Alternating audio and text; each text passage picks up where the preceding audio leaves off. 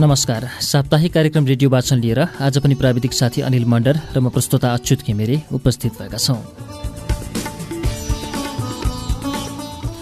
यो मेरो पहिलो उपन्यास र पहिलो पुस्तकाकार उत्साह हो। पुस्तक छाप्नु धेरैजनाको ऋणी हुनु हो भनेर कुनै सज्जनले लेखेका छन् र म यति बेला त्यही सम्झँदैछु। सर्वप्रथम कान्तिपुर जसको हरेक चरणमा संलग्न भएर मैले तेह्र वर्षदेखि अनवरत देश देशावर सोधी खोजी गर्दै आफ्नो दृष्टि उघार्ने र कलम तिखार्ने माध्यम पाएको छु। सहकर्मीहरू जोसँग प्राय सधैँ सैद्धान्तिक र सृजनशील ठाकठुक परेको छ। तमाम देशी विदेशी पत्रकार र लेखकहरू जसका रचना पढेर मैले आफूलाई कतै उभ्याउने प्रयास गरेको छु। आमा प्रेमकुमारी र भाइ जनक जसले मेरो अव्यवहारिक जीवन शैली खपेर मलाई एकल काटी हुन दिएका छन् र कफी गफका पाठकहरू जसले फुर्काइदिएकै भरमा म आफ्नो क्षमताको यो परीक्षा दिँदैछु भनेर नारायण वागले आफ्नो उपन्यासको अगाडि यसरी आभार व्यक्त गर्नुहुन्छ। नारायण वाग्लेको उपन्यास पल्पसा क्याफेको तेस्रो श्रृङ्खला त्रिसठौँ पृष्ठदेखि वाचन सुरु गर्नुभन्दा अगाडि तपाईँ समक्ष राख्दैछु रुबी जोशीको आवाजमा यो गीत।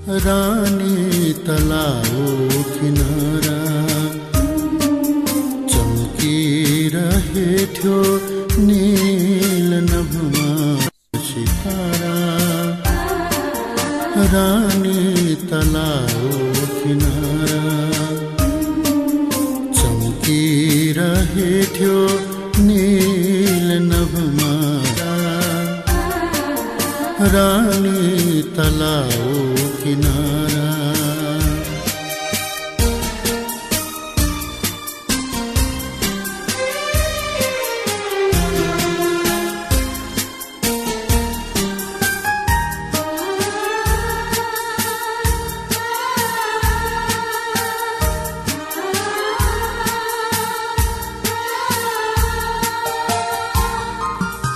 春去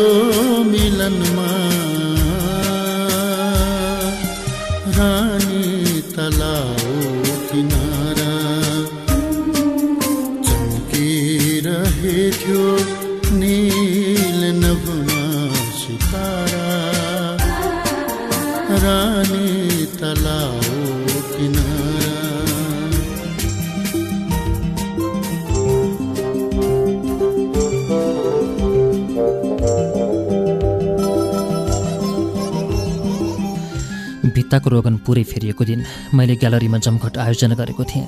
रेशमी कुर्ता र हलुका खैरो जिन्स प्यान्टमा मस्त खोल्दै पल्पसा सबैभन्दा अगाडि आइपुगी।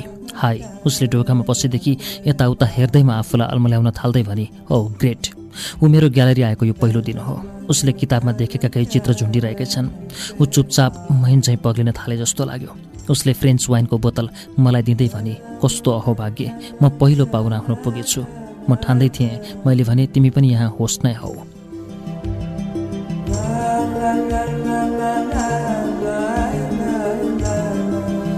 उसले मेरो निलो जिन्स कमिजमा न्यु पिन्च दिए जस्तो गरी अलि बढी चिमोटे पनि हुन्थ्यो।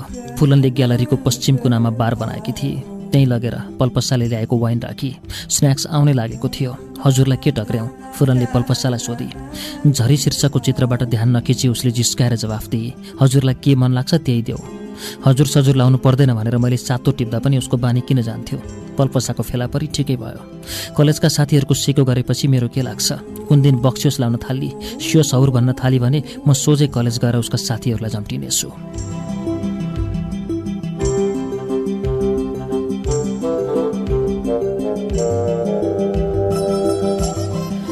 पल्पसा चित्रहरूमा व्यस्त भई ऊ घरि मोबाइल फोनमा मेसेज चेक गर्थे र घरि चित्र हेर्थे। भित्तानेरि उभिँदा एकटक उसले एसएमएस गरेको देखेँ। सके कसैलाई जोक पठाएकी हुँदो हो।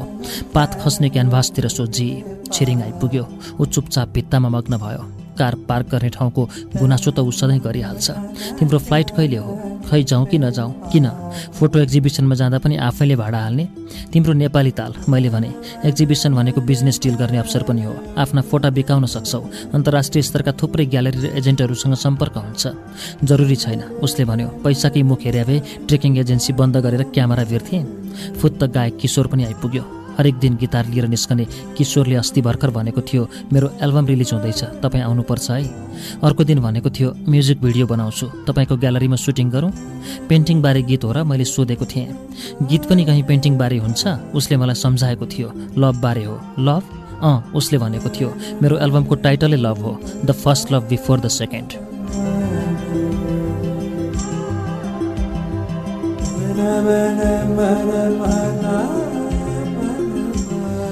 म हाँसेको उसले चाल पाएन। उसले कहिल्यै यहाँ आएर चित्रहरू हेरेको मलाई सम्झना छैन। तर उसलाई यो ग्यालरी मनपर्छ। भन्थ्यो यहाँ खिच्यो भने सिङ्गरको घर बुलन्द रहेछ भन्ने इम्प्रेसन पर्छ। झन् अर्को दिन आएर उसले फेरि मलाई बिथोलेको थियो। ए दाई हजुर मैले कुची उछाल्दै पछाडि फर्केर उसलाई सोधेको थिएँ के भयो? भिडियोमा तपाईँ पनि खेल्नुपर्छ है? हा कहाँ म म्युजिक भिडियोमा खेल्ने? मैले भनेको थिएँ। एउटा क्यारेक्टर आर्टिस्ट चाहिएको छ क्या? किशोरले भन्थ्यो। मैले गाउनु पनि पर्छ? ओठ चलायो हुन्छ उसले भन्यो। म हाँसेँ अनि तिम्री प्रेमिका कहाँ बसेर गाउँछ त? ऊ स्क्रिनमा आउँदिन उसको फोटो मात्र आउँछ। यो डुएट सङ्ग होइन नि त उसले भन्यो सोलो हो। उसले पनि वाइनको बोतल ल्याएको रहेछ। बाठो गायक फुलनले फेरि कुनातिर लगी। मैले पल्पस्सालाई चिनाइदिएँ ऊ मेरो साथी हो गायक हो। हो दिदी मैले फर्स्ट एल्बम रिलिज गर्न लागेको छु। उसले भन्यो the first love before the second.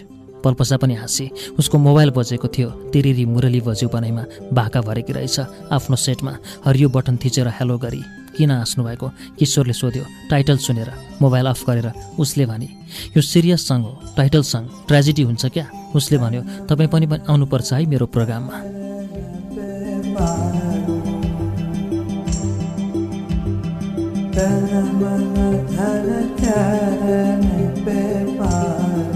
त्यति बेला ढोकामा दुईजना पाहुना आइपुगेकोले म त्यता लम्किएँ। मगमग बास्न आइरहेको ताजा बुके लिएर आएका रहेछन्। टेबलमा राख यता ल्यापटप भएतिर। मिट माई फ्रेन्ड्स म परस्पर चिनाजानी गराउनैमा व्यस्त भएँ किनभने त्यसको दुई मिनटमै बाँकी चारजना साथी पनि आइपुगे। सबैभन्दा उमेर छिपिएका साथी रूपक हुन्। मभन्दा दस वर्ष जेठा भए पनि उनलाई तिमी नै भन्छु।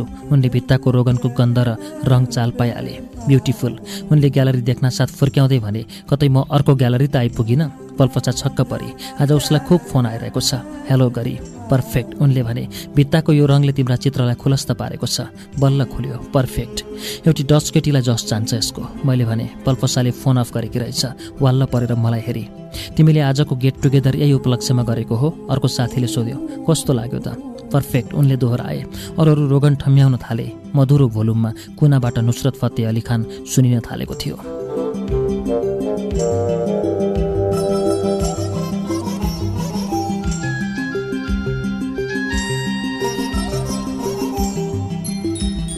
फुलनले स्न्याक्स मिलाउन लागेकी थिए। उसलाई सघाउन म गएँ। पर्दैन पर्दैन उसले नखरा पारी। म आफै सर्भ गरिहाल्छु नि।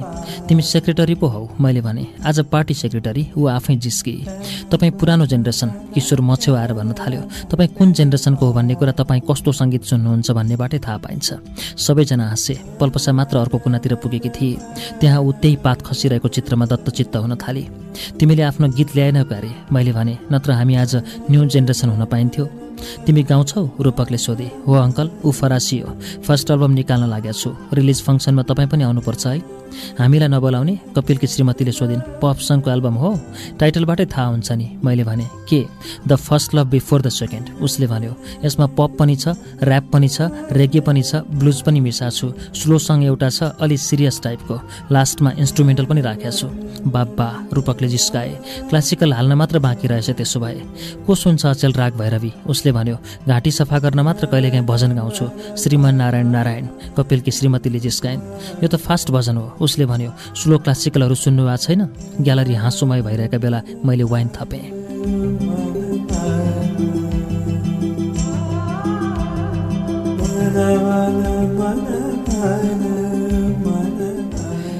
क्यान आई हेल्प यु मैले पल्पसा छेउ पुगेर वाइनको बोतल ढल्के पारेँ। उसले आँखा भित्तामा टाँसिरहे। त्यहाँ Langtang in nineteen ninety five शीर्षकको चित्र झुन्डिएको थियो। मेरो हातको बोतल थप ढल्काएर आफै वाइन थपी। त्यसो गर्दा हाम्रा औँलाले स्पर्श गर्न पाए। मेरो दायाँ हातका दुईटा औँलालाई उसका तिनवटा औँलाले छोएका थिए। यस्तो लाग्यो त्यो ग्लास कहिल्यै नभरियोस्। ऊ पनि त्यही कल्पनामा हुनुपर्छ। ग्लास भरिएर जुत्तामा तर्र हुन थालेपछि मात्र चाल पाई हामीले हेराहेर गऱ्यौँ। वाइनभन्दा उसको गाला रातो भएको मैले अनुभव गरेँ। उसले मलाई पो जिस्काई तपाईँको गाला चुइएला जस्तो भयो। ग्लास न त मैले जिस्काएँ। म जुसमा विश्वास गर्दिनँ। ऊ के काम भनिहाली। ताजा फलको पर्न मन लाग्छ। जस्तो स्याउ। म दिनको एउटा स्याउ लिन्छु। मैले ठानेको थिएँ। मैले भने दिनको चार पाँच पल्ट कुपरिनु पर्ला। एउटा कुरा भन त दृश्य। म छेउ आइपुगेको कपिलले हामीलाई हस्तक्षेप गर्दै भन्यो तिम्रो यो painting Langtang in nineteen ninety five छ नि? के अर्थ छ यसको? भन्नाले लाङटाङ त सधैँ उस्तै देखिन्छ नि। नाइन्टिन नाइन्टी फाइभ होस् कि नाइन्टिन एट्टी फाइभ वा नाइन्टिन सेभेन्टी फाइभ उसले भन्यो। पल्पसाले मलाई हेरी।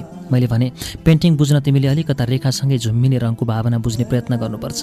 तिमी मेरो लाङटाङ सिरिजमा धेरै लाङटाङ देख्दैनौ तर एउटै लाङटाङलाई भिन्न भावनामा बुझ्न सक्छौ। त्यसमा समय प्रतिबिम्बित छ कि छैन म भन्न सक्दिनँ तर मुड चाहिँ छ।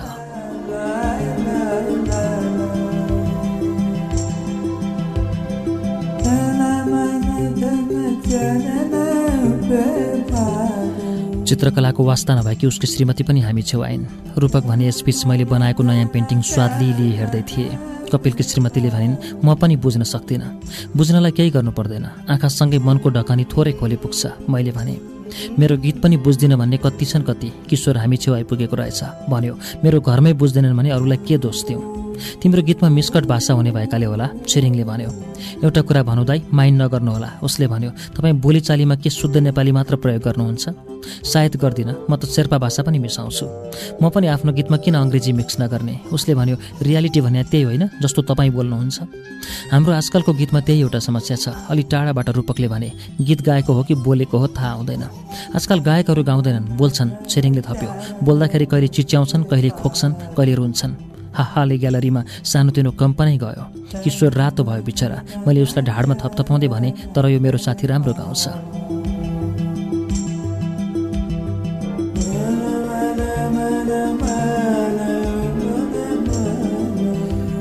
कृपाले सोधी सुनेका छौ? ऊ आफ्नो श्रीमान छिरिङसँग पक्कै टाँसिएकी थिए। रियाज गरेको सुनेको छु। मैले भने कहाँ दाई? किशोरले मतिर हेर्दै सोध्यो। पर्याङमा जब तिमी गिटार भिरेर हतार हतार हिँड्दा पनि गुनगुनाइरहेका हुन्छौ। घाँटी सफा गरेको बेला सुन्या होला छिरिङले भन्यो। फुलनको हातबाट स्न्याक्स खोसेर आफै घुमाउन थाले। पल्लोपट्टिको मुडोमा बस्नु अघि मैले दुईपल्ट घुमाएँ। थकित भए जस्तो लाग्यो। अरू पनि बस्न थाले। रूपक र पल्पसाला अर्को कुनामा गफ गरिरहेको देखेँ। चियर्स गरेँ। ग्लास ठोक्न किशोरले खुट्टा उचाल्यो। ऊ फुलनलाई माया गर्छ भन्ने मलाई पहिल्यै थाहा थियो। फुलनले विश्वविद्यालयको पढाइ सकेर मात्र कसैलाई प्रेम सेम गर्छु भनेर अड्डी कसेको पनि मलाई थाहा छ। त्यसैले किशोर आजकल जिस्क्याउँदैन उसलाई।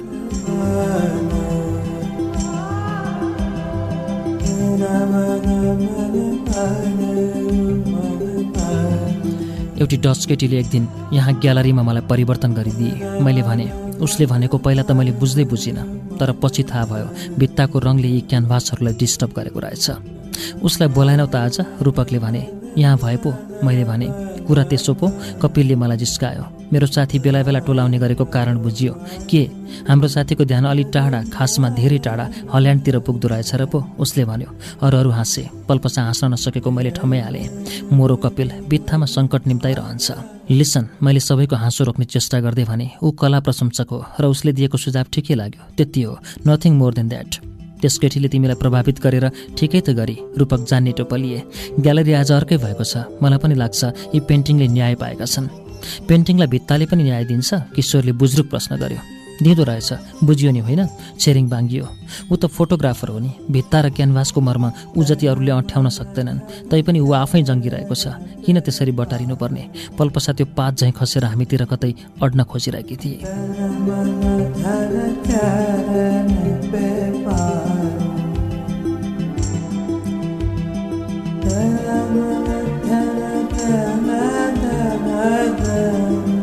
दाइलाई त्यो डस केटीले नै उद्धार गरेकी हो। फुलन जान्ने भई फेरि पक्क बोलेर उसले पहिला कमेन्ट गरेपछि उहाँ महिनौसम्म ग्यालेरी आउन छाडेर मैले उसलाई हेरेँ। ऊ थप्दै थिएँ। पछि भित्ताको रोगन फेर भनेर चिठी के पठाएकी थिए त्यसपछि उहाँ कति ह्याप्पी हुनुहुन्छ साँधी छैन।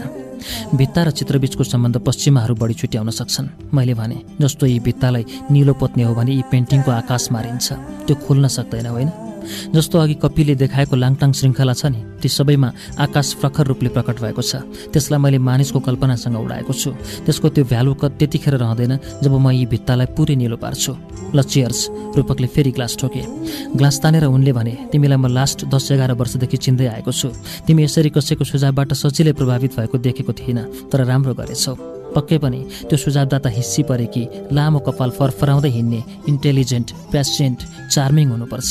उनले यसो पनि भनेर मेरो खिस्सी गरे। यो दृश्य छेरिङ जान्ने भयो फेरि। तिमीले च्याटमा फेला पारेकी केटी त होइन नि है?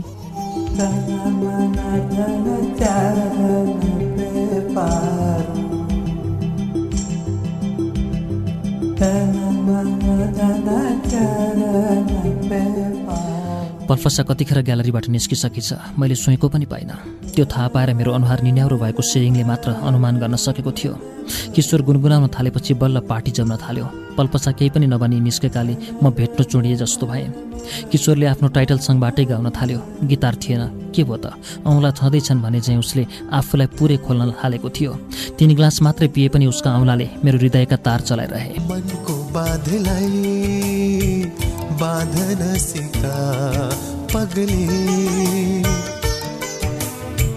मनको बाधलाई बाधन सिका पगली। नत्र भिजिने छ तिम्रो परेली।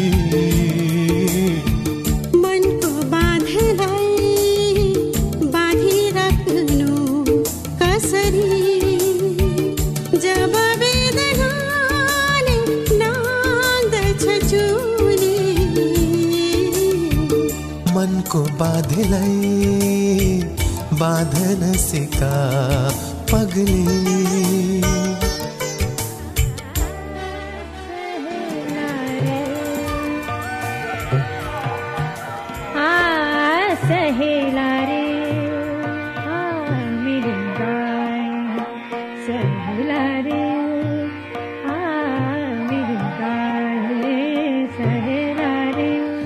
पखेटा भाँचिएर उड्न नसकेको चराको फ्याट फ्याट चुनिन थालेको थियो। चकमन्न रातमा घरिघरि आइरहेको त्यस्तो आवाजले सपना पनि टुक्रा टुक्रा देखिए जस्तो भयो। अरू आवाज थिएन। बिउजेर पर्दा खोलेँ बाहिर रारुन्ने थियो। सङ्केत राम्रो थिएन। टेलिफोन बज्यो। कोही आत्तिएको थियो तारको अर्को छेउमा। थाहा पायो है को बोलेको हो बुझिएन। म झन् आत्तिएँ। ए मूर्ख तिमीलाई थाहा छैन? मैले ठम्याउन नसकेको आवाजले मलाई गाली गर्यो।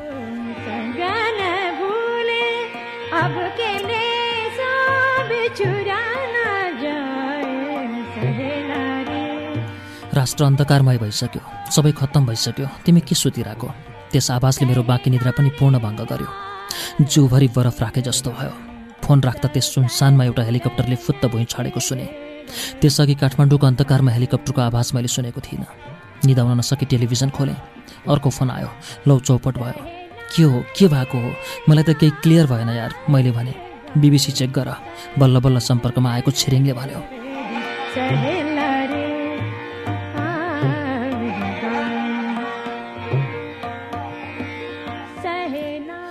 बिबिसी र सिएनएनले काठमाडौँका काठमाडौँ फलाक्न थालेछन् भारतीय च्यानलहरू पनि मिसिए फुङ्ग दुले उडे जस्तो भयो आँखा अगाडि। केही पनि देखिएन केही बेर। एक्कासी केही विस्फोट भए चाहिँ टोलवासीको खैला बैला सुनेर म बाहिर चोकमा निस्किएँ। राजा रानी सबैको हत्या भइसकेको रहेछ। र अधिराज कुमारलाई लिन हेलिकप्टर त्यसरी भगीरथ प्रयत्न गर्दै उडेको रहेछ। हत्या कहिले किन कसरी कहाँ कसले गरेछ भन्ने एकपछि अर्को खुल्दुली र सन्तासको चर्को माहौल छाडेर म लुसुक भित्र आएँ। संसारकै शीर्ष समाचार भइरहेको थियो नेपाल। टेलिफोन यति बज्न थाल्यो उठाएर साध्यै भएन। सके नेपाल दूरसञ्चार संस्थानको इतिहासकै कीर्तिमान कायम भइरहेको थियो।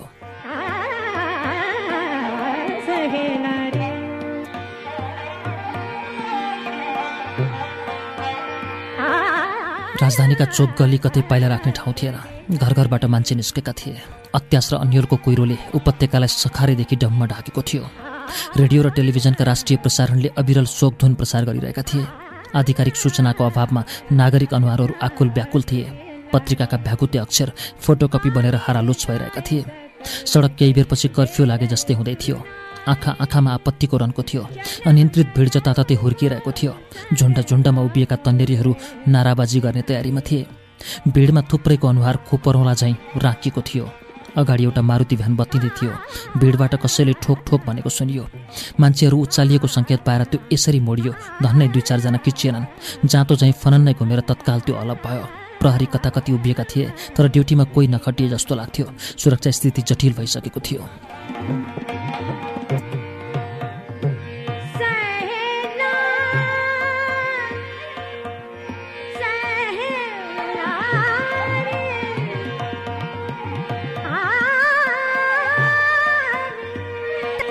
राष्ट्रिय सञ्चार माध्यमबाट खबर फैलिएपछि कान टाठा पारेर सुनिरहेका सर्वसाधारण एक्कासी सडकमा निस्केर घन्किन थाले। पुरा उपत्यका अनिश्चयको चरम सरोवरमा डुब्न थालेको थियो। एउटा भिडबाट निस्कन आँट्दा राजा महेन्द्रको शालिका गाडी म रौँ बराबरले बचेँ। भिडबाट कसैले मलाई हानेको थियो। कानबाट रगत चुहिएपछि म पाखा लागेँ। मैले त्यसरी सोध्नै नहुने थियो भिडभित्रका आक्रोशित युवकहरूलाई षड्यन्त्रै हो भन्ने तपाईँहरूलाई कसरी लागेको हो? भन्ने प्रश्न मैले त्यति बेला गर्नु सम्पूर्णतः मूर्खता थियो।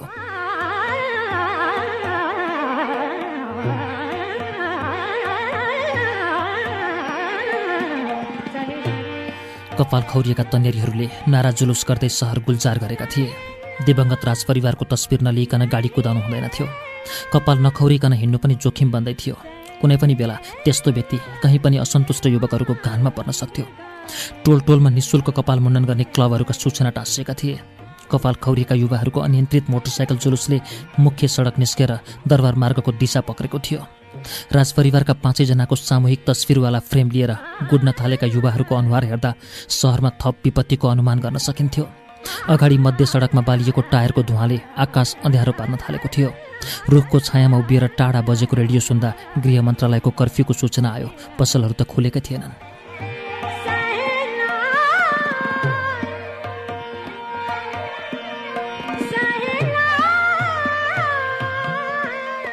त्यो कर्फ्यू केही दिन जारी रहँदै थियो किनभने पहिरो चलेपछि खुकुलो भएका ढुङ्गामुढा पनि खस्न थाले जस्तो भइरहेको थियो। यही अस्थिरतामा नयाँ नेपाल जन्मिरहेको थियो।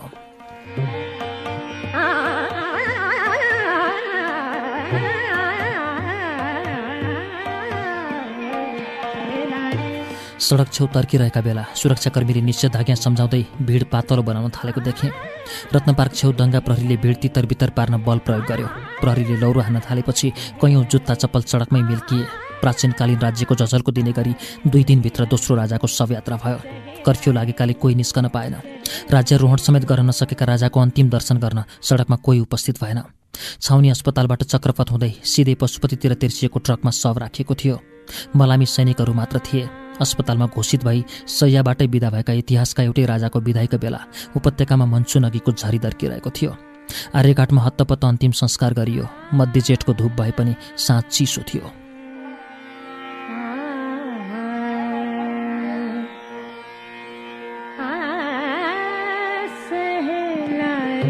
कर्फ्यूको आदेश कडाई गर्ने गस्ती प्रहरीका आँखा छलेर मैले एउटा सानो गल्ली पछ्याएँ। भित्रका अर्ध सडक र चोकहरूमा भने प्रहरीमाथि चिटपुट ढुङ्गामुढा भइरहेको थियो। दङ्गा पहिरनका प्रहरी सञ्चालित थिए। केही दङ्गाकारी पक्राउ परे। केहीले निर्घात लट्ठी खाए। अझै कोही कोही हट्नै मानिरहेका थिएनन्। ब्ल्याङ्क फायर निम्त्याउँदै। प्रहरी भ्यानको साइरन कता कता निरन्तर सुनिन्थ्यो। रेड क्रस अङ्कित गाडी फाटाफुट्टा गुडेका थिए। कसैले प्रहरीलाई हानेको एउटा इँटा ढाडमा बज्रेपछि म असन्तुलित हुँदै घ्यारेर बन्द गर्न लागि सटरमा अडेस लाग्न पुगेँ। सटर पुरै बन्द भएपछि सिँढीमा आराम गर्न बसेँ। अगाडिबाट आएको भ्यानले नदेखोस् भनेर म रक्सीले बेहोस भएको स्वाङ पार्दै हरिबिजोकले पल्टिएँ। जन्म संगन भूले अब के मिले सब चुराना राज्यारोहणका लागि बसन्तपुर दरबारमा परम्परागत समारोह भएको केही घण्टा मात्र गुज्रेको थियो। श्रीपेश र राजगद्दीबाट देशवासीलाई एकताको सूत्रमा भावनाबद्ध गर्ने त्यस कार्यक्रमको प्रत्यक्ष प्रसारण भइरहेको थियो। संवैधानिक पदाधिकारी र राजनीतिक नेताहरू दाम राखेर नयाँ राजाको दर्शन ढोक गरिरहेका थिए। त्रासदीपूर्ण शुक्रबार रात्रिको वियोग प्रतिबिम्बित अनुहारका नयाँ राजाको सवारी नारायण हिटीतिर बग्गीमा चलाइयो। सहरमा विरोध प्रदर्शनको सम्भावना देखि सैनिकहरूले कडा पहरा दिएका थिए। घोडचडी सैनिकहरूले मूल सडक नियन्त्रण गरेका थिए र सडक निस्कने साना गल्लीहरूका मुख थुन्न होसियारीपूर्वक तैनाथी दिएका थिए।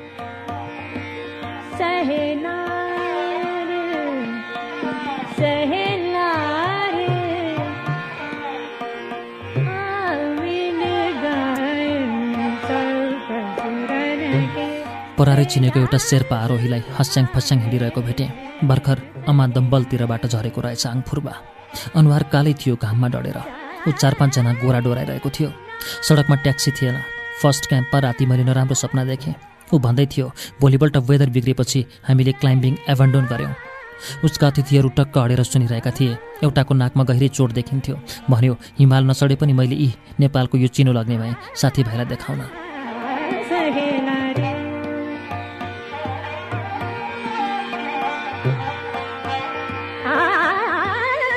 ठमेलबाट दरबार मार्गतिर दौडिरहेको स्पेनियाली अर्धवैँसेलाई पनि टाढैबाट चिने औषधि किन्न हतारिए झैँ थियो। ऊ मेरो ग्यालरीमा एक दिन आएको थियो पेन्टिङ किनुला चाहिँ गरेको थियो फेरि आउँला भनेर छुट्टिएको पर्यटकलाई मैले त्यहाँ अस्तव्यस्त देखेँ। पहाडमा हिउँद शीर्षक पेन्टिङको रङ खुबै मन पराएको थियो। मैले उसलाई रोकेर सोधेँ के भयो? प्लेन छुट्ने बेला भयो? उसले भन्यो ट्याक्सी खोज्न दौडेको। म अब यहाँ बस्दिनँ। किन? पत्रकारहरू ओरिएको ठाउँ पर्यटक बस्नु खतरा हुन्छ। उसले भन्यो र फुत्त बेपत्ता भयो। स्पाइडरम्यान हुनसक्छ।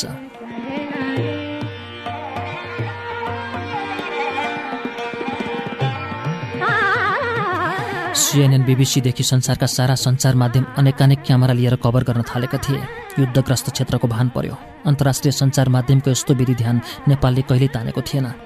दरबार मार्गमा ठड्याइएका विभिन्न देशका टेलिभिजन क्यामेराले गिरौलाको थाक्रो झैँ सेटेलाइट उभ्याउँदै प्रत्यक्ष प्रसारण गरिरहेका थिए। कोही कोही होटेलै पुग्न नभ्याएर डेडलाइन छोप्न सडक पेटीमै बसी बसी ल्यापटपबाट तस्बिर समाचार पठाइरहेका थिए। होटल याकनेटीमा विदेशी पत्रकारहरूको मेला लागेको थियो। पर्यटक जाँदै पत्रकार आउँदै काठमाडौँमा कतै पर्यटकभन्दा पत्रकार बढी थुप्रिएका त छैनन्।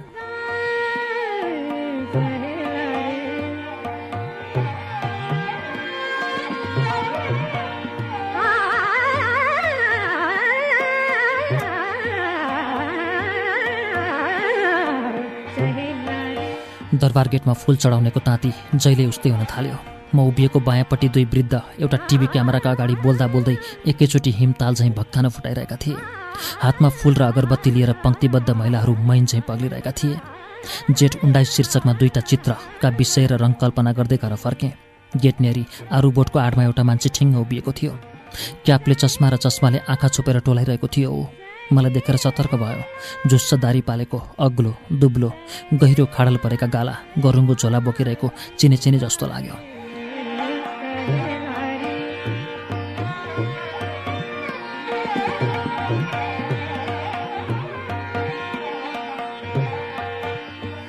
नमस्कार। उसले दुवै हात जोडेर भन्यो म सिद्धार्थ। एक्कासी हिउँमा चिप्ले चाहिँ भएँ म। जुत्ता हेरेँ म केही बोल्न सकिनँ। उभिरहेँ। भित्र आऊ। मैले आफ्नै उमेरको अतिथिलाई निम्ति आएँ बैठक कोठाको एउटा पेन्टिङमा ऊ घोरियो। त्यस क्यानभासभित्र म पढेको प्राथमिक विद्यालय थियो। आँखै रसाउने। बन्दै नहुने ढोका वर्षामा चुहिने ढुङ्गाको पातलो छाना बतास छिर्ने उदाङ्गो झ्याल भित्र बेन्चहरू लथालिङ्ग प्राङ्गणको धुलो फुङ्ग उडेको देखिन्थ्यो। गाउँको सिरान बच्चा बच्ची कोही लुडो खेलिरहेको कोही गुच्चा हानिरहेको कोही टालाको बल हुत्याइरहेको र कोही गाउँछ गीत नेपाली ज्योतिको पङ्ख उचाली गाइरहेको हाफ ट्याङ्कका बेला मैले त्यो रचना गरेको थिएँ।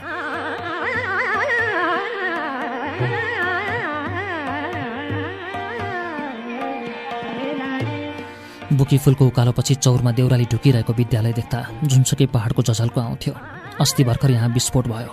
मैले उभिएर बमको छर्राले पाल पारेको भित्ता ऊ यहीँनिर हो देखाएँ। दुई कक्षाकी एउटी बालिका मरेको त तिमीले समाचार पढ्यो होला। एउटा विद्यार्थीको खुट्टा भाँचियो। उन्नी शब्द त्यही चित्रमा घोरिरह्यो। यसका दुईजना शिक्षक छ वर्षको दौरान मारिसके। मैले थपेँ। एक शिक्षकले धानिरहेका छन्। तपाईँले के अर्थ दिन खोज्नु भएको उसले सोध्यो। यो हाम्रो देश र समयको झलक हो। मैले भने कसरी? यो चित्रले देशको मर्म बोलेको छ अहिले। मैले भने मेरो देश कस्तो अवस्थामा छ भनेर खोल्दुली लाग्यो भने म यही हेर्ने गर्छु। क्षमा गर्नुहोला उसले भन्यो म पनि दोषी छु यसका लागि तर खासमा कोही दोषी छ भने त्यो हो यहाँको पुरानो जकडिएको राज्य सत्ता। के भन्न खोज्यौ? मैले प्रश्न गरेँ। म भूमिगत छु उसले धक्न सानो स्वरमा भन्यो र अहिले तपाईँ कहाँ सेल्टर लिन आएको?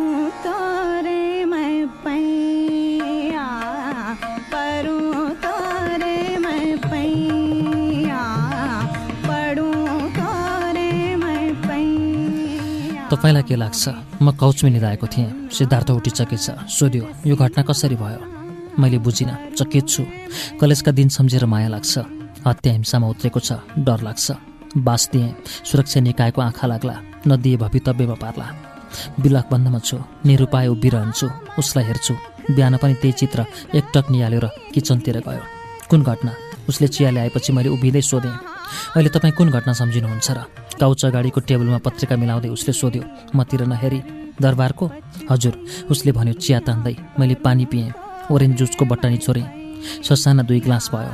ऊ भने चिया लिँदै थियो तैपनि उसको हातमा जुस थमाए उसले टेबलमा राख्यो। म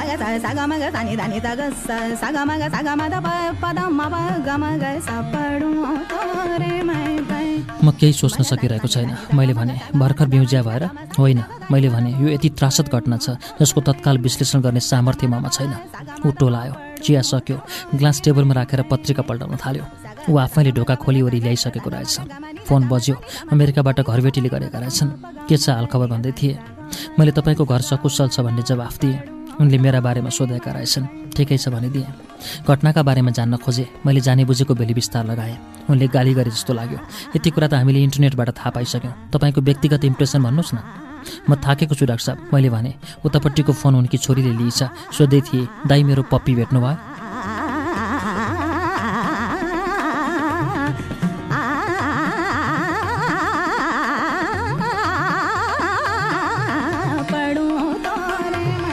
उस जाविला अमेरिका उडेपछि पनि त्यही कुकुर सम्झिनुपर्ने। मैले इमेल गरिदिएको थिएँ भाग्यो भनेर। फेला परेको भए म खबर गरिदिइहाल्थेँ। गोवा यात्रा गर्दा मैले छिरिङलाई पाल्न दिएको थिएँ। त्यहीँबाट हरायो।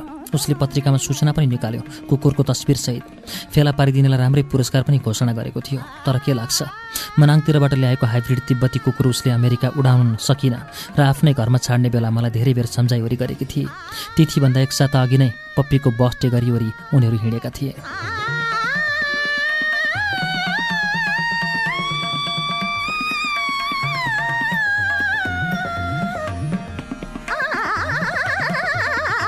म यति व्यस्त छु। कसरी त्यसको हेरविचार पुर्याउन सक्छु? के कहिलेकाहीँ कुकुरसँग जिस्कनुको अर्थ म उसँग रत्तिन सक्छु भन्ने हो? मलाई खासै चाख छैन कुकुर बिरालामा। हरायो त के गर्ने? छिरिङ पनि उत्तिकै दुःखी छ। उसलाई के को चिन्ता? उति टाढा बसेर। आखिर लैजान पाउने होइन र हेरचाह गर्न आउने पनि होइन। उसले फेरि केौराको फुल कस्तो भइरहेछ भनेर सोधी। यो उष्णतामा मलाई फुल सुलभन्दा देश कता जाने हो भन्ने चिन्ता भइरहेछ। यो कुरा ऊ बुझ्न सक्दिन। उसले श्रुतिका बारेमा भने निकै मर्म जनाए। लगभग एउटै उमेर हो क्यारे उसको र अधिराज कुमारीको। यहाँ उन्जेल निकै कुरा गर्ने गर्थे। मलाई पनि स्वाद लाग्थ्यो। विशेष गरी श्रुति आफै चित्र कोर्ने र प्रदर्शनीहरू उद्घाटन गर्न उत्साही देखेर। उनको अकाल मृत्युले मलाई पनि दुःख लागेको छ। छाउनीको सट्टा वीर अस्पताल पुर्याएको भए उनको ज्यान बस्ने थियो भन्ने लाग्छ। राजा वीरेन्द्रको वंशको कोही जीवित रहने थियो। श्रुतिका दुई साना काखे नानीको तस्बिर देखेर बिहोल भएको थिएँ म।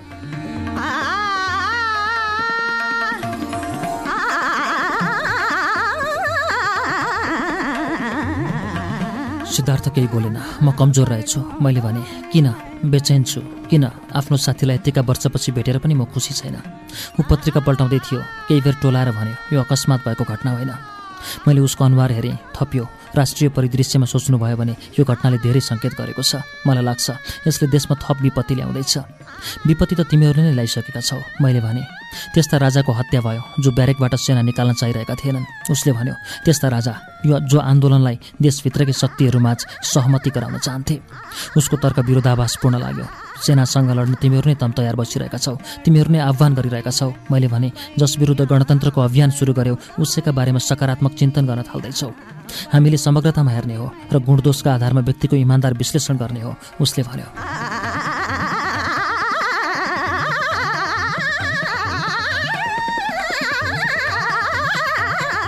मेरा आँखा अघि क्यानभासमा रातो रङको एउटा स्पष्ट आकृतिमा ठिमिकी एक महिला छन्। रातो फेरो भएको कालो धोतीमा सजिएकी। जात्रामा उनीसँग एउटा पुरुष छ जसले भातगाउँले टोपीमा दायाँ कानमाथि कागजको फुल चुन्ड्याएको छ। भोजमा जाने चिन्ह हो त्यो। महोत्सवको मनस्थिति झल्काउने त्यस चित्रमा मैले धेरै रातो किन पोतेँ? अहिले ठम्याउन सक्दिनँ। ऋतु परिवर्तनको सङ्केत पनि छ त्यसमा। उसले हेरेको त्यस चित्रमा पोतिएको रङ रगत जस्तो लागिरहेछ र त्यो क्यानभासबाट चुहिन आड्दैछ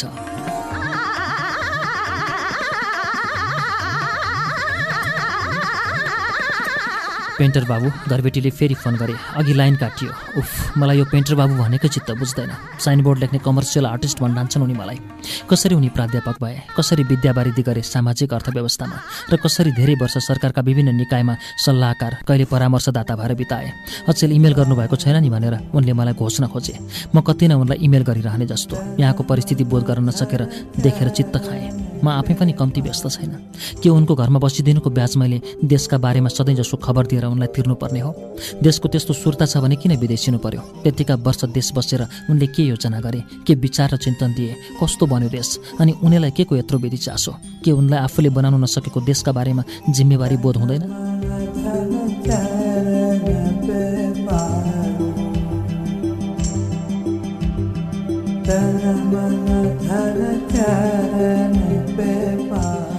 यता त आइयो उनले भने तर श्रीमती झ्याम्मिन सकेकी छैनन्। म एउटा डिपार्टमेन्टल स्टोरमा काम गर्न थालेको छु। म्यानेजर छु भनौँ न। राम्रै छ।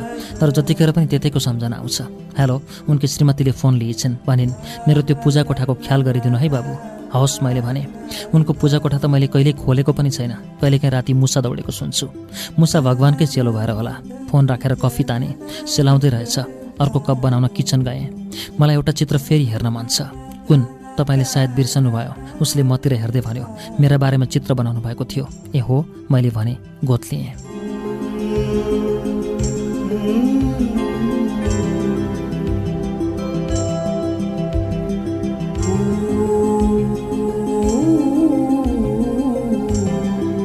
धेरै अघि बाटामा भेटेको दिन ग्यालरी लगेर उसलाई दुई दिनसम्म स्टुलमा स्थिर राखी मैले उसको आकृति निकालेको थिएँ र त्यसैका आधारमा एउटा कथा चित्रण गरेको थिएँ।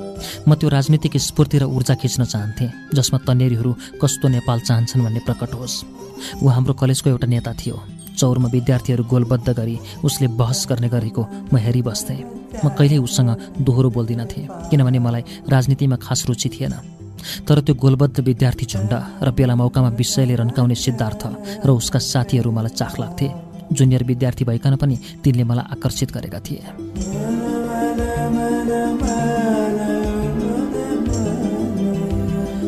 उसको आकृतिलाई एउटा पात्र बनाएर तत्कालीन देशबारे बनाएको चित्र मेरो पहिलो प्रदर्शनीमै बिकेको थियो। अङ्ग्रेजी शीर्षक भए पनि त्यसको आशय हामी के चाहन्छौँ भन्ने युवा बोल्थ्यो जुन चित्र प्रदर्शनी निख्रिने बेलातिर एक सज्जनले खरिद गरेका थिए। ती सज्जन अहिले नेपालमा छैनन्। राजनीतिक चेत भएका चित्र खरिद गर्ने त्यस्ता सज्जन नबसेपछि देशको शोभा कसरी बढोस्? उनी विदेशी विश्वविद्यालयमा पढाउँछन् भन्ने सुनेको छु। बेलायत हो जस्तो लाग्छ। उनको भिजिटिङ कार्ड मैले कता थन्काएको छु? तर त्यो चित्र उनले आफूसँगै लगे भन्ने चाल पाउँदा मलाई निकै गर्व लागेको थियो। उनले त्यो चित्र त्यति बेलाको दर अनुसार निकै महँगोमा खरिद गरेका हुन्। उनकी श्रीमती विदेशी हुनुको कारण पनि हुन सक्छ ती महिला यौवनकालमा नेपाल आएकी थिइन्। विश्वविद्यालयको पोस्ट ग्रेजुएसनको थेसिसका लागि र त्यही बेलाको जम्का भेटले तिनलाई प्रेमालापमा परिणत गरिदिएको थियो। पछि त विवाह गरिवरी बच्चा बच्ची हुर्काइसकेका थिए। ग्यालरी आएको दिन उनले आफ्नै दुवै साना छोरी ल्याएका थिए। क्रस भएका हुनाले हलक्क बढेका कालो कपाल तर गोरो वर्णका ती पुतली जस्ता छोरीहरूलाई बोकाएर उनले त्यो चित्र लगेका थिए। उनकी श्रीमतीले मलाई केही राजनीतिक प्रश्न पनि गरेकी थिइन्। त्यस चित्रको भावभूमि उनी जान्न उत्सुक थिइन्। होइन होइन म मार्क्सवादी होइन। मैले स्पष्टीकरण दिनु परेको थियो। म कुनै वाद अनुसरण गर्छु भने त्यो हो सौन्दर्यवाद। मैले वियोगान्त बनाउनु पर्ने रहेछ त्यस चित्रलाई मैले सिद्धार्थलाई भने किन? उसले सोध्यो तपाईँ आफैले व्याख्या गरे अनुसार म अभूतपूर्व उमङ्गले भरिएको पात्र निर्माण भएको थिएँ। म तिमीलाई त्यस्तो ज्वाजल्यमा नबनाउन सक्थेँ। मैले भनेर उतिर हेरेँ। तपाईँले मलाई युवा आन्दोलनको पात्र बनाउन खोज्नु भएको थियो अनि आन्दोलनको पात्रलाई तपाईँले कसरी वियोग दिन सक्नुहुन्थ्यो? तिमी गोली लागेर ढलेको बनाउन सक्थे। मलाई ढालेको भए उसले भन्यो तपाईँले अर्कैलाई प्रमुख पात्र बनाउनुहुन्थ्यो। किन? मैले प्रश्न गरेँ किनभने मैले तपाईँको चित्रको भार बोक्न सक्ने थिएन। कसरी? मेरो प्रश्न थियो। जुन पृष्ठभूमिको चित्रणमा तपाईँको चित्र आधारित हुनुपर्छ उसले भन्यो एउटा असफल नायकले त्यो जिम्मेवारी लिन सक्थेन। म आशावादी नभएको भए तपाईँको दृष्टिकोण गलत हुन्थ्यो। उसले भन्यो चित्रकारले समाज हेर्छ समाजको वैज्ञानिक विश्लेषण गर्छ समाज अपूर्व आशाको अबिरले रङ्गिएको हुन्छ। त्यसो भए गल्ती कहाँ भयो त? तपाईँले हतार गर्नुभयो। कसरी? तपाईँले त्यो चित्र बलजफ्ती टुङ्ग्याउनु भयो उसले भन्यो त्यो वस्तुनिष्ठ भएन। किन? मैले फेरि प्रश्न गरेँ। म चाहन्थेँ चित्रले एउटा तार्किक निष्कर्ष दियोस् उसले भन्यो तर तपाईँले मलाई रोक्नुभयो। तिमीले त्यति बेला केही पनि त भनेनौ। मैले भने तिमी उल्लासमा थियौ होसमा थिएनौ। तपाईँले मलाई सोध्नुभयो? उसले प्रतिप्रश्न गर्यो तिम्रो अनुहार तिम्रो जवाफ थियो। त्यही त गल्ती भयो। उसले भन्यो खासमा म के चाहन्थेँ तपाईँले ठम्याउन सक्नु भएन। तिमी के चाहन्थ्यौ म चित्रको आत्मा नै परिवर्तन गर्न चाहन्थेँ। उसले भन्यो तपाईँ रूपमा जानुभयो सारमा जानु भएन अनुहारको विश्लेषण गर्नुभयो आँच छाम्नु भएन। भन्नाले तपाईँले मलाई एउटा पात्रका रूपमा प्रस्तुत गर्नुभयो। उसले भन्यो प्रवृत्ति मान्नु भएन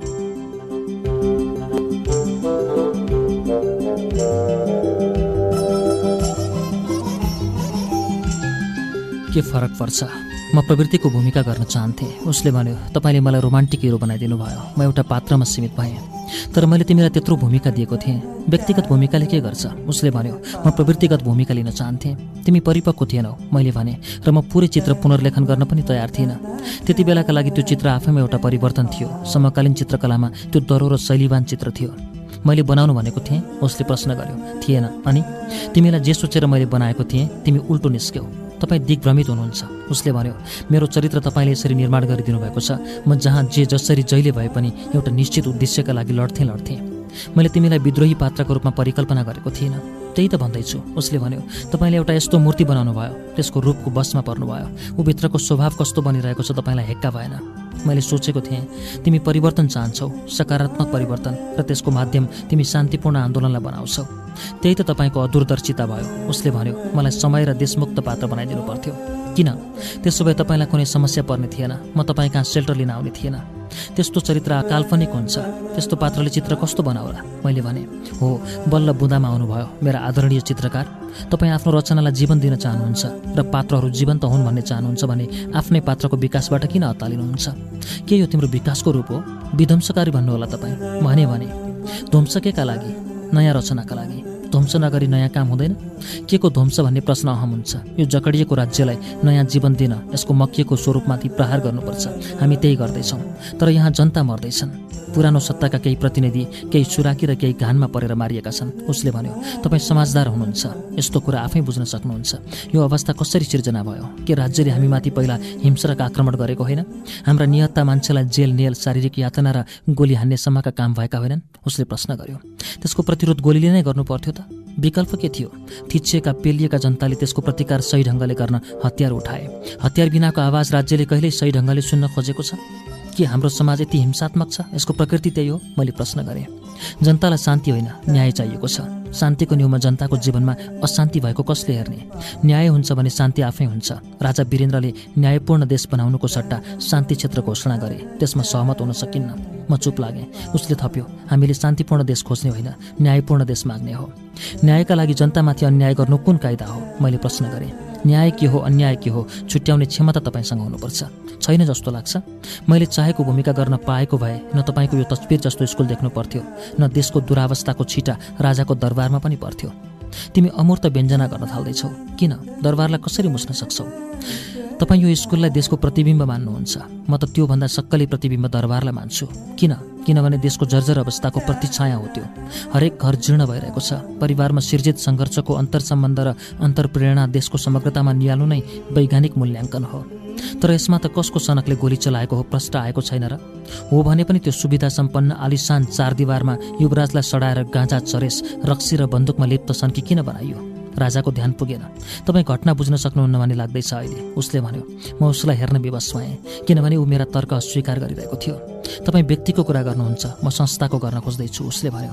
व्यक्तिले संस्था बनाउँछ र चलाउँछ। म व्यक्तिगत स्वतन्त्रताको पक्षपाती हुँ मैले भने। तपाईँ व्यक्तिलाई जोड दिनुहुन्छ त्यही कारण तपाईँका सोचाइ धेरै माथि उठ्न सकेका छैनन्। हामी देश बनाउनुपर्छ भन्ने आन्दोलनमा छौँ। म तिम्रो मान्यता बुझ्ने चेष्टा गर्दैछु तर तिम्रा नीतिगत अस्पष्टता र कार्यशैलीगत विरोधाभास सही ठम्याउन सक्दिनँ मैले भने।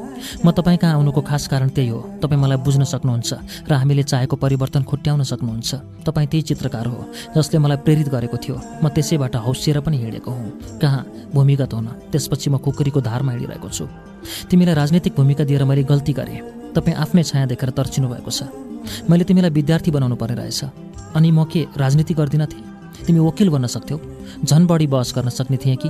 पत्रकार भएको भए देशको अन्तरङ्ग अनुसन्धान गरेर तपाईँलाई झन् अत्याउँथेँ कि? सङ्गीतकार पनि हुन सक्थ्यौ। के थाहा? म झन् जनतालाई उचाल्ने गीत सङ्गीत गर्थेँ कि? तिमीलाई किसानको रूपमा प्रस्तुत गरेको भए कोदाली लिएरै क्रान्ति गर्थेँ कि? कामदारका रूपमा कोरिया अरब पनि पठाउन सक्थेँ। झन् उतैबाट गोर्खालीहरू बटुलेर ल्याउँथेँ कि? अमेरिका पठाएको भए त ढुक्कै हुन्थ्यो होला। तपाईँ कसरी सोच्नुहुन्छ? म जहाँ पठाइन्थेँ त्यहीँको रामविलासमा भुल्ने थिएँ। सङ्गठन गरेर जहाँबाट पनि म परिवर्तनको शङ्ख बजाउन सक्थेँ। तिमीले हतियार बोकेकामा म क्रुद्ध छु मैले भने। तपाईँको प्रभाव तपाईँको चित्रले मलाई उक्साएको छ। म जे छु त्यसको ठुलो श्रेय तपाईँलाई जान्छ। नत्र म अर्थशास्त्रको उच्च अध्ययन गरेर प्राध्यापक बन्ने ताकमा थिएँ। जुन दिन तपाईँले मेरो चित्र बनाउनु भयो त्यसै दिनदेखि म एउटा योग्य नागरिक बन्न सक्छु र जनतालाई क्रान्तिको आँधीमा परिणत गर्न सक्छु भन्ने हिम्मत बढेको हो।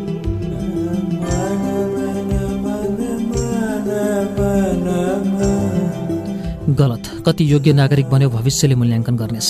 मैले भने तर तिमी आफै खुकुरी बनेर प्रिय नेपाली शरीरहरू छिनालिरहेका छौ। त्यसले देशमा लामो रिक्तता र तिक्तता मात्रै उत्पन्न गर्नेछ। तपाईँ चित्रकारको रूपमा समाज परिवर्तनको उद्देश्य राख्नुहुन्न? राख्दिनँ। समाज सुधार्ने चित्रको उद्देश्य हुँदैन। चित्रकारिता राजनीति होइन। चित्र सङ्गीत जस्तै हो। दैनिक जीवनबाट यो पर हुन्छ। एउटा कला हो जसले दर्शकको मन र चेतनालाई एकैपटक स्पर्श गर्छ। यसले रेखा र रङको तालमेल मात्र खोज्छ। म रङको अभ्यास र प्रयोग गर्छु। सुन्दरता खोज्छु। राजनीति होइन। सुन्दरता जीवनका तिता वास्तविकताहरूमा हुन्छ। तपाईँका रङहरू यी झुटा विषयमा भ्रममा अल्झिएका छन् उसले भन्यो। चित्रकारले क्यानभास मार्फत राजनीति गर्ने हो भने राजनीति र कलाको दूरी मेटिन्छ। यी दुई विषय आफ्नै आड र अडानमा रहनुपर्छ। राजनीति देशको मूल नीति हो तर कलालाई यसको नारा बन्न दिनु हुँदैन। राजनीतिबाट टाढा रहने विधाहरूले समाजलाई समय र सौन्दर्य बोध गराउन सक्छन् दिशा र दायित्व बोध गराउन सक्छन्। राजनीतिको छायामा रहने कलाले मौलिक भूमिका पाउँदैन स्वतन्त्र अस्तित्व बिना यसको जीवन हुँदैन। त्यसो भए म तपाईँलाई बाहिर लैजान चाहन्छु उसले भन्यो कहाँ? तपाईँ चित्रकार आफै देश चिन्ने प्रयत्न गर्नुहोला आफै जाँच्नुहोला। तपाईँले यहाँ बनाइरहेका यी यावत चित्रको कुनै माने छैन। यो संस्कृति यो नाचगान यो रामरमिताका रङ्गको भुलभुलैयामा परेको तपाईँ आफै थाहा पाउनुहुनेछ।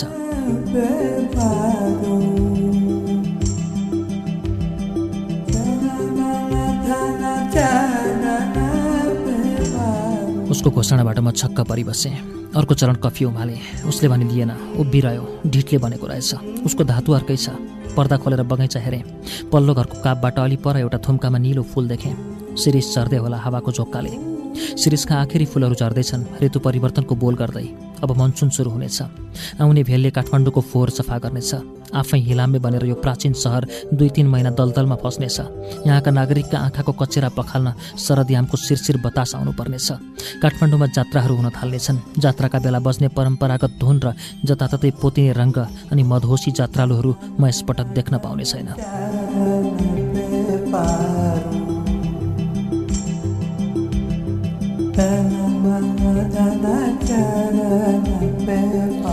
सिद्धार्थ मलाई उसले निम्ताएको परिवर्तन हेर्न डोर्याउँदैछ। के त्यो परिवर्तन हो? कहाँ जाने? तपाईँ असल चित्रकार हो भने आफै आभास पाउनुहुनेछ। म तपाईँलाई कहाँ र किन डोर्याउँदैछु किन मलाई लैजान चाहन्छौ? मैले प्रश्न गरेँ। प्रतिक्रियावादी कित्तामा गए भए पनि सृजनशील व्यक्तिका नाताले तपाईँलाई दिशानिर्देश गर्नु मेरो कर्तव्य हो। म गइनँ भने ठिकै छ। प्रतिक्रान्तिकारी भाषमा तपाईँ आफै जाकिनुहुनेछ। इतिहासले गद्दार ठहर गर्नेछ र तपाईँको उद्धार कसरी गर्न सक्ने छैन।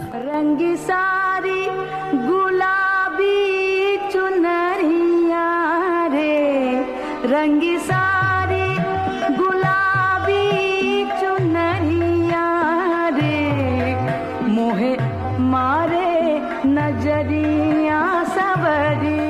डोकामा फुत्त फुत्त सुन्तला खसालिरहेका छ किशोरी। कान्लामा ठिङ्ग उभिएका सुन्तलाका बोट ऊभन्दा केही अग्ला छन्। कुनै त छुट्याउनै सकिँदैन। ऊ अग्ली हो कि बोट? किनभने ऊ डिलमा उभिएकी छ। आफ्नै मेसोमा छे। एकपटक बोटको हाँगा तान्न खोज्दा हाँगाको मायाले आफू ढलफल हुन्छ र कान्ला मुनि पछारिन्छे। डोको उँधो मुन्टो हुन्छ र सुन्तलाका दाना डोका बाहिर असरल्ल पर्छन्। ज्या उसको मुखबाट झर्छ। अनि उठ्छे। उसको फ्रकभरि ल्याप्प्याच्च तोरीका फुल टाँसिन्छन्। अर्को कान्लामा छ उसको भाइ। उसले भने डोको भर्न लागिसकेको छ। किशोरी हतार गर्छे। मेलो सिद्ध्याउनु छ र घर पुगेर खाना पकाइवरी धन्दा भ्याउनु छ पश्चिम डाँडामा सूर्य निब्नु अघि बत्ती बाल्न घर फर्किसक्नुपर्छ।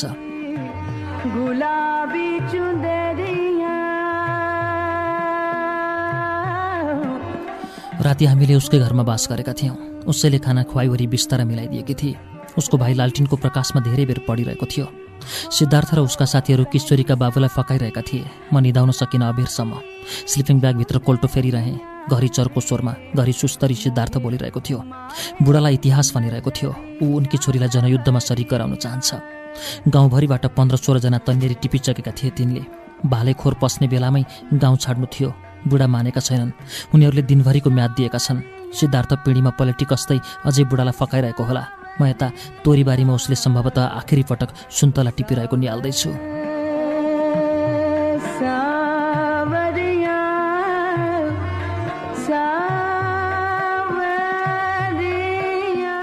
म एक्लै पर्नेछु गई भने बुढाले भनेका थिए जनताका लाखौँ लाख छोराछोरी हुनेछन् तपाईँको साथमा सिद्धार्थले सम्झाएको थियो। उसलाई धेरै पढाउन सकिनँ उनी भन्दै थिए अहिले मलाई त्यही सुर्ता छ।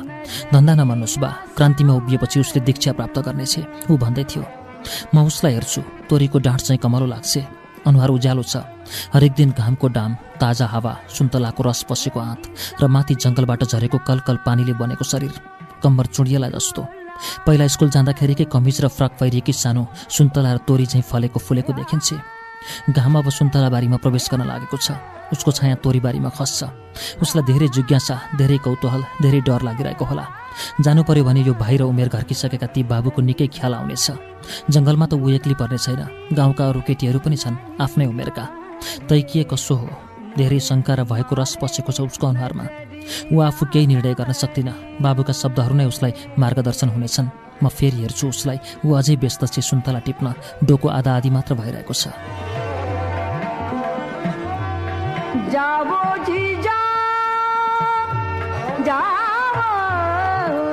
तपाईँहरू किन यस्तो काममा लाग्नुभयो? बुढाले सुस्केर काटेका थिए। तपाईँकै निम्ति हो बा सिद्धार्थले तेल दलेको थियो। न तपाईँको घरमा बिजुली छ न टेलिफोन छ न टेलिभिजन न सुन्तला बेच्ने बजार न सडक। धनीमानी बोकेर उडिरहने जहाज मात्र हेरेर तपाईँ हामी कति दिन सहने? यो त भगवान्को खेला हो बुढाले भनेका थिए। यही त गल्ती भइरहेछ। ठुला ठालुले गरेका कुकृत्यलाई हामी भगवान्को कृपा सम्झिरहेका छौँ उसले सम्झाएको थियो। यही पखेरामा जन्म्यौँ यहीँ हुर्क्यौँ हामी माटी कोरेलाई यो सब ज्ञानगुण कसरी हुने? यहाँ अस्पताल छैन। एक दिन टाढा जाब स्वास्थ्य चौकी छ तर त्यहाँ न डाक्टर न औषधि प्राइमरी स्कुल छ तर एउटै शिक्षक छन् पढाउन भ्याउँदैनन् न राम्रो पढाउन सक्छन् उसले थप्यो। यही तालले पनि तपाईँ हाम्रा सन्तति पुस्तौँ पुस्तासम्म माटी कोरि नै रहनेछन्। माटो कोर्नु बाहेक हामीसँग कुनै उपाय रहने छैन। त्यो त हो। धनीमानी ठुला ठालु शोषक सामन्ती बुर्जुवाहरूलाई के छैन? उसले भन्यो कस्तो उपचार कस्तो शिक्षा कस्तो मनोरञ्जन कस्तो गाडी कस्तो सुविधा चाहियो सब जुटाउन सक्छन् तर भिरमौरी जस्ता भिर पहराका दाजुभाइलाई के छ? धनी भए त जसलाई पनि सुविधा मिल्छ नि। बुढाले भनेका थिए हामी गरिब भयौँ र पो हामीलाई केही थाहा छैन। तपाईँ हामीलाई कसले गरिब बनायो? उसले भन्यो कोही पनि पहिला धनी थिएन तर राज्य सत्ता मुठीभरका ठालुहरूले आफ्नो पन्जामा पारेपछि आफ्नै नातागोता इष्टमित्र र भाइ भारदारलाई पोस्न थालेपछि यत्रा जनता कसरी धनी हुने? उनी टोलाए। राज्य सत्ता जनताको हातमा नपरेसम्म तपाईँ हामीले खोजेको सुख सुविधा केही पाइँदैन। तपाईँको छोरीले पढाइ छाड्नु पर्यो तर ठालुहरूका छोराछोरी अमेरिकामा फर्स्ट क्लास स्कुल कलेजमा पढिरहेका छन्। भोलि तिनै डाक्टर इन्जिनियर योजना आयोगका सदस्य र नेता हुन्छन्। विकास दिनले आफ्नै पोल्टामा पार्छन्। तपाईँ छोरीलाई बिहे गरेर पठाउनुहुन्छ। ऊ माटी कोरेको माटी कोरे नै रहन्छे। अनि के उसले आफ्ना सन्तानलाई राम्रो स्कुलमा पढाउन सक्छ? हाम्रा सन्तान दर सन्तान यसरी नै पिल्सिनेछन्। यही भिरपाखामा झुन्डिरहनेछन्। देश भने तिनै ठुला ठालुले चुसिरहनेछन्। म यता एउटा बोटमा छेकिएर सानो र उसको भाइलाई अझै हेरिरहेको छु। मैले आफूमा उनीहरूको आँखा पर्न दिएको छैन। म उनीहरूलाई चिहाउन चाहन्छु। भोलिदेखि म किशोरीलाई यो रूपमा पाउने छैन। के थाहा ऊ बन्दुक बोकेर कहाँ हिँड्नेछ? कुन प्रहरी चौकी लुट्न कहाँ कहिले कता कसरी आतङ्ककारी बन्नेछ? क्रान्तिकारी बन्नेछ? शहीद बन्नेछ? उसलाई त्यसको अनुमान छ कि छैन? ऊ कहाँ किन कसरी होमिने हो? उसलाई आभास छैन। अहिले त ऊ फगत डोकामा सुन्तला फुत्त फुत्त खसालिरहेकी छ। भोलि यसरी नै ऊ एउटा गोलीले फुत्त ढालिन बेर छैन र यसरी नै डोकामा हालिन बेर छैन। सुन्तला भर्ने डोकामा भोलि ऊ रगतमा लुटपुटिएर राखिएको न उसको भाइले देख्नेछ न उसलाई जन्म दिने बाबुले देख्नेछ।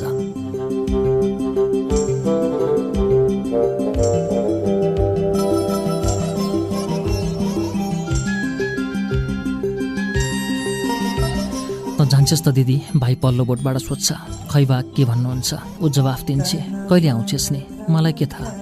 दसैँ तिहारमा त बिदा देलान् नि मलाई थाहा छैन। बन्दुक चलाउनु पर्छ अरे गोली हान्नु पर्छ अरे बम बनाउन सिक्नुपर्छ अरे बम त भयङ्कर आवाज गरेर पड्किन्छ अरे हो दिदी। खै मैले देखाएको छैन थाहा पनि छैन। मलाई त बन्दुक चलाउन मन लाग्छ भाइले भन्यो। देखा छस्? ऊ सोध्छे सिकारीले बोकेको देखाएको छु। चरा खसालेको पनि देखाएको छु। कहाँ? परारै हो हाम्रो स्कुल जाने बाटोमा। अहिले त सिकारीहरू कतै छैनन्। सबै बन्दुक खोसेर लगिसक्यो अरे। त्यही भएर चराहरू अचेल जताततै देखिन्छ। उसले भने मलाई त ढुकुरको मासु मिठो लाग्छ। तैँले चाखेकी छस्? छैन। सानुले भने मलाई त चरा मारेको मनै पर्दैन।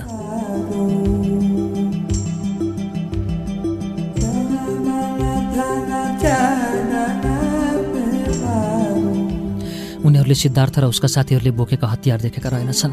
सिद्धार्थले त पाइन्टमा पेस्तोल घुसारेको छ। उसका साथीहरूको भने मैले वास्ता गरिनँ मलाई सिद्धार्थले किन यहाँ ल्याएको हो? किन उसले मलाई यो सबै देखाउन खोजिरहेछ? ऊ किन यस्तै सोझी किशोरीलाई बलिदानी बनाउन खोज्दैछ? गाउँका अरू युवा पनि तिनले तयार गरिसकेका छन्। गाउँका हुर्कौला र बलिया पाखुराहरू रित्ताउन खोजिरहेका छन्। मलाई उदेक लागिरहेछ। भर्खर रस पसेको फुल जस्तै किशोरीका हातमा गोली थमाउन उनीहरू सक्दो जोड गरिरहेका छन्। फेरि हेर्छु। केटी आत्तिएको भानुपर्छ मलाई। ऊ फेरि तल्लो कान्लामा पछारिएकी छ। अय्या मैले सुने म जान सक्दिनँ। तर उसको भाइले सुनेको छैन। म उसलाई उठाउन गएँ भने उनीहरूलाई च्याउन पाउने छैन। म निष्ठुरी भनेर उभिरहन्छु। म अझै उभिन सकेकी छैन।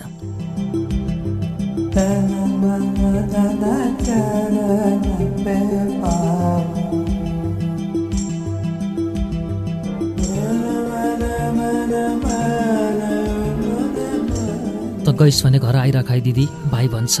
तर उसको जवाफ आउने छैन। तल गहुँको टुसा निस्केको हरियो बारीतिर हेर्छ। पर काउली उम्रिरहेको गहरातिर पनि देख्दैन। कहाँ गई त दिदी? ऊ दर्खरिएका घोडा सुमसुम्याउँदै उठ्छेर फेरि डोकामा सुन्तला भर्छे। घर आउँदा एउटा बन्दुक पनि ल्याइज है ऊ भन्छ। के भनेको? ऊ बुझ्दिनँ। गराबाट उठेर कान्लामा उभिन्छे। म चलाउन सिक्छु क्या? ऊ भन्छ। के चलाउन? बन्दुक। पढ्नु पर्दैन? त पढ्नु नपर्ने भएर जान लाग्यो कि हो र? होला नि ऊ भन्छे। त्यसो भए म पनि पढ्दिनँ भाइले भन्यो। ऊ भारी बोकेर घर फर्किन तम तयार भइसकेको थियो।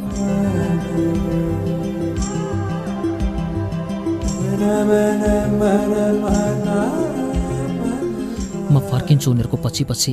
कान्लाको बाटो चिसो माटो छाया कोरलेर हिँडिरहेको घाम तोरी फुलमा सुन्तलाले दफारेका छाप पुतलीहरू उड्ने हावा नली डाँठहरू चलमलाउने बारी पात पत्कर उड्दै थुप्रिने आली तुवालाले ढाक्ने आकाश बर्सातमा भेल बग्ने खोल्सा पहाडको पसिना निक्लेर कुलकुलाउने कुलो अनि परिश्रमीहरू दैनिक ओहोर दोहोर गर्ने चिप्लो बाटो। अरू कान्लाहरूबाट पनि थुप्रै किशोर किशोरी कतै फर्किरहेका छन्। डोकाले जिउ ढाक्दै। सानो त पनि जान लागेकी होस् दो बाटामा भेटिएकी उसकी साथीले सोध्छे म अलि तल ओह्रालामै छु अरूबाट छेलिएर ढिलो ढिलो रोकिन्छु वार्तालाप सुनेर। ऊ के भन्छे म सुन्दिनँ। मलाई त जान मन छैन उसकी साथी भन्छे। म त जाने भएँ अर्को कुनै किशोरीको आवाज आउँछ। उनीहरूको कल्याङ मल्याङ गरिरहन्छन्। म बिराली पाइला रोकेर डिस्को मुनि खस्या खुसुक सुन्न कान थाप्छु। हामी यसरी कति डोको नाम्लो गर्ने हाम्रो आमाले त्यही गर्नुभयो। भाउजू त्यही गर्दै हुनुहुन्छ। त्यो क्रान्तिकारी आवाजको आकार भनिरहेको थियो। ती दाईहरूले ठिकै भनेका छन्। मेरो त बा मान्नु भएको थिएन। जान्छु भनेर मै ठिक्क परेँ। पल्लो गाउँका पनि थुप्रै केटी गइसकेका छन्।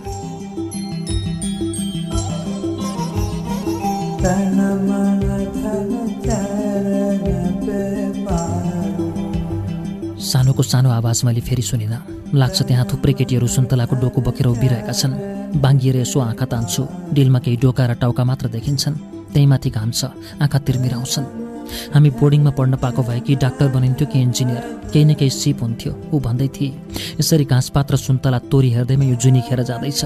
ती दाईहरूले ठिकै भनेका छन्। हामीले आज सङ्घर्षमा भाग लियौँ भने हाम्रा भाइ बहिनीले कम्तीमा राम्रो पढ्न पाउनेछन्।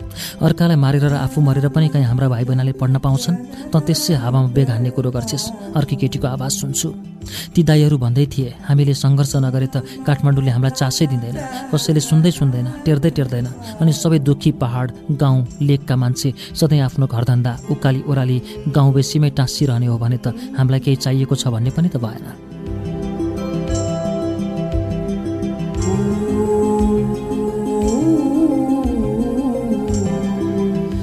पनि जान्छु दिदी। सानोको भाइलाई सुने तर उसलाई सबैले रोके। गुच्चा खेल्ने फुच्चा कान मेरो बुच्चा एउटीले भने उनीहरू केही भन्दै थिए सानोको भाइ अघि लाग्यो। उसले पछ्याए तिनीहरू तित्तर बित्तर भए सानोको घरमा भात छड्किसकेको थियो। सिद्धार्थले आलु र मुलाको झोलिलो तरकारी पकाइरहेको रहेछ। मस्यौरा हाल्दै रहेछ। सानो वाल्ला परी। उसका बाले चामल हड्कलेर दिएका थिए। मैले पनि पछि आफ्नो थाल आफै माझेँ। हातमा खरानीको गन्ध बाँकी थियो। सिद्धार्थको साथीहरूले ताउलो खस्काए। बुढा भन्दै थिए यो ताउलो मैले आफ्नो बिहेपछि हिजै निकालेको हुँ। उनको एउटा दाँत ओठबाट तल निस्कने भएकाले स्वर अलि तोते रहेछ। दाईहरू तँलाई लैजाने भन्दैछन्। बुढाले भने के गर्ने छोरी? ऊ केही बोलिन। पिँढीको खाँबो समातेर न्युरोमुन्टी भइरहे। उसको भाइ पनि सँगै टुक्रुक्क बसिरहेको थियो। तँ स्कुल जा उसले भने। यसको ज्यानको सुरक्षा तपाईँहरूकै हातमा भयो। बुढाले सिद्धार्थको हात समात्दै आँखा पिलपिल गर्दै भने तपाईँले चिन्ता लिनु पर्दैन बा। सिद्धार्थले भन्यो तपाईँकी छोरी क्रान्तिको महान लक्ष्य सिद्धिका निम्ति एउटा बहादुर सिपाहीका रूपमा समस्त जनताकी प्रिय कमरेड बन्ने छिन्।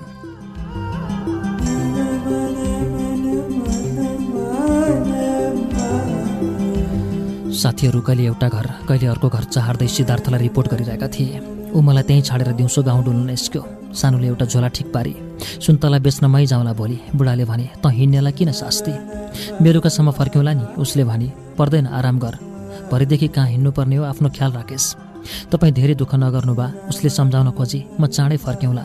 भाइलाई स्कुल जा भन्नु सधैँ नत्र ऊ टिपी गरेर यतै हल्लिरहन्छ। तैँले यहाँको सुर्ता मान्नु पर्दैन। जहाँ जाँदा पनि आफू अगाडि नपर्नु पछाडि पनि नहिँड्नु बिचमा बस्नु। सानो फुरुक्क परी बुढाले काँप्दै भने के गर्नु र? हुर्केका छोराछोरी जोगाउन नसकिने भयो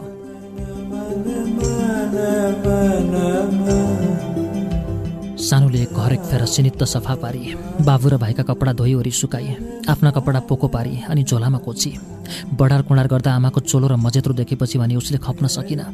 माथिल्लो तलामा बसेर धेरै बेर सोक्क सोक्क गरिरही। साँझ पख सिद्धार्थहरू फर्किए। भाइ पनि स्कुलबाट आएको थियो। ऊ तल झरी झोला बोकेर छोरी दिने तपाईँहरूलाई खाना खुवाउने भनेर भोलि फौजीले मलाई थुन्से गर्ने हो कि बुढाले आँगनमा उभिएर पिरलो गरे। त्यो चौकी उडाइसकेपछि तिनीहरू यहाँ आउन छाडेका छन् सिद्धार्थले भन्यो। यस भेगमा हाम्रै पुलिस हाम्रै आर्मी छ हाम्रै शासन बा। सानो अघि अघि लागेकी थिए। उसको भाइले डिलमा उभिएर करायो दिदी त झट्टै आइज है। हामी गाउँको सिरानबाट जङ्गल पस्ने बेला ठुलो लर्को भइसकेको थियो।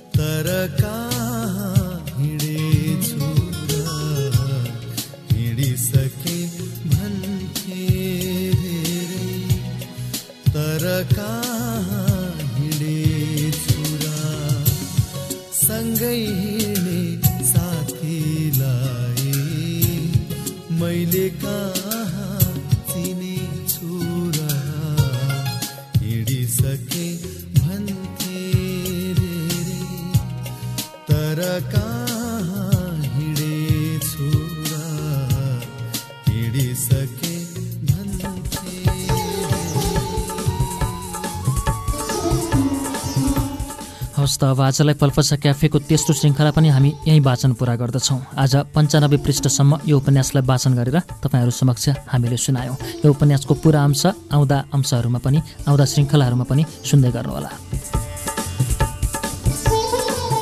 नारायण वाग्लेको उपन्यास पल्पसा क्याफेको वाचन तपाईँलाई रेडियो वाचनमा कस्तो लागिरहेको छ कृपया हामीलाई प्रतिक्रिया दिनुहुन अनुरोध गर्दछौँ। हाम्रो पत्राचार ठेगाना यस प्रकार छ। कार्यक्रम रेडियो वाचन पोस्ट बक्स नम्बर आठ नौ सात चार सिपिसी चौरानब्बे काठमाडौँ नेपाल। इमेल गर्न चाहनुहुन्छ भने हाम्रो इमेल ठेगाना हो GHIMIRE ACHYUT at Gmail dot com Ghimire Achyut at Gmail dot com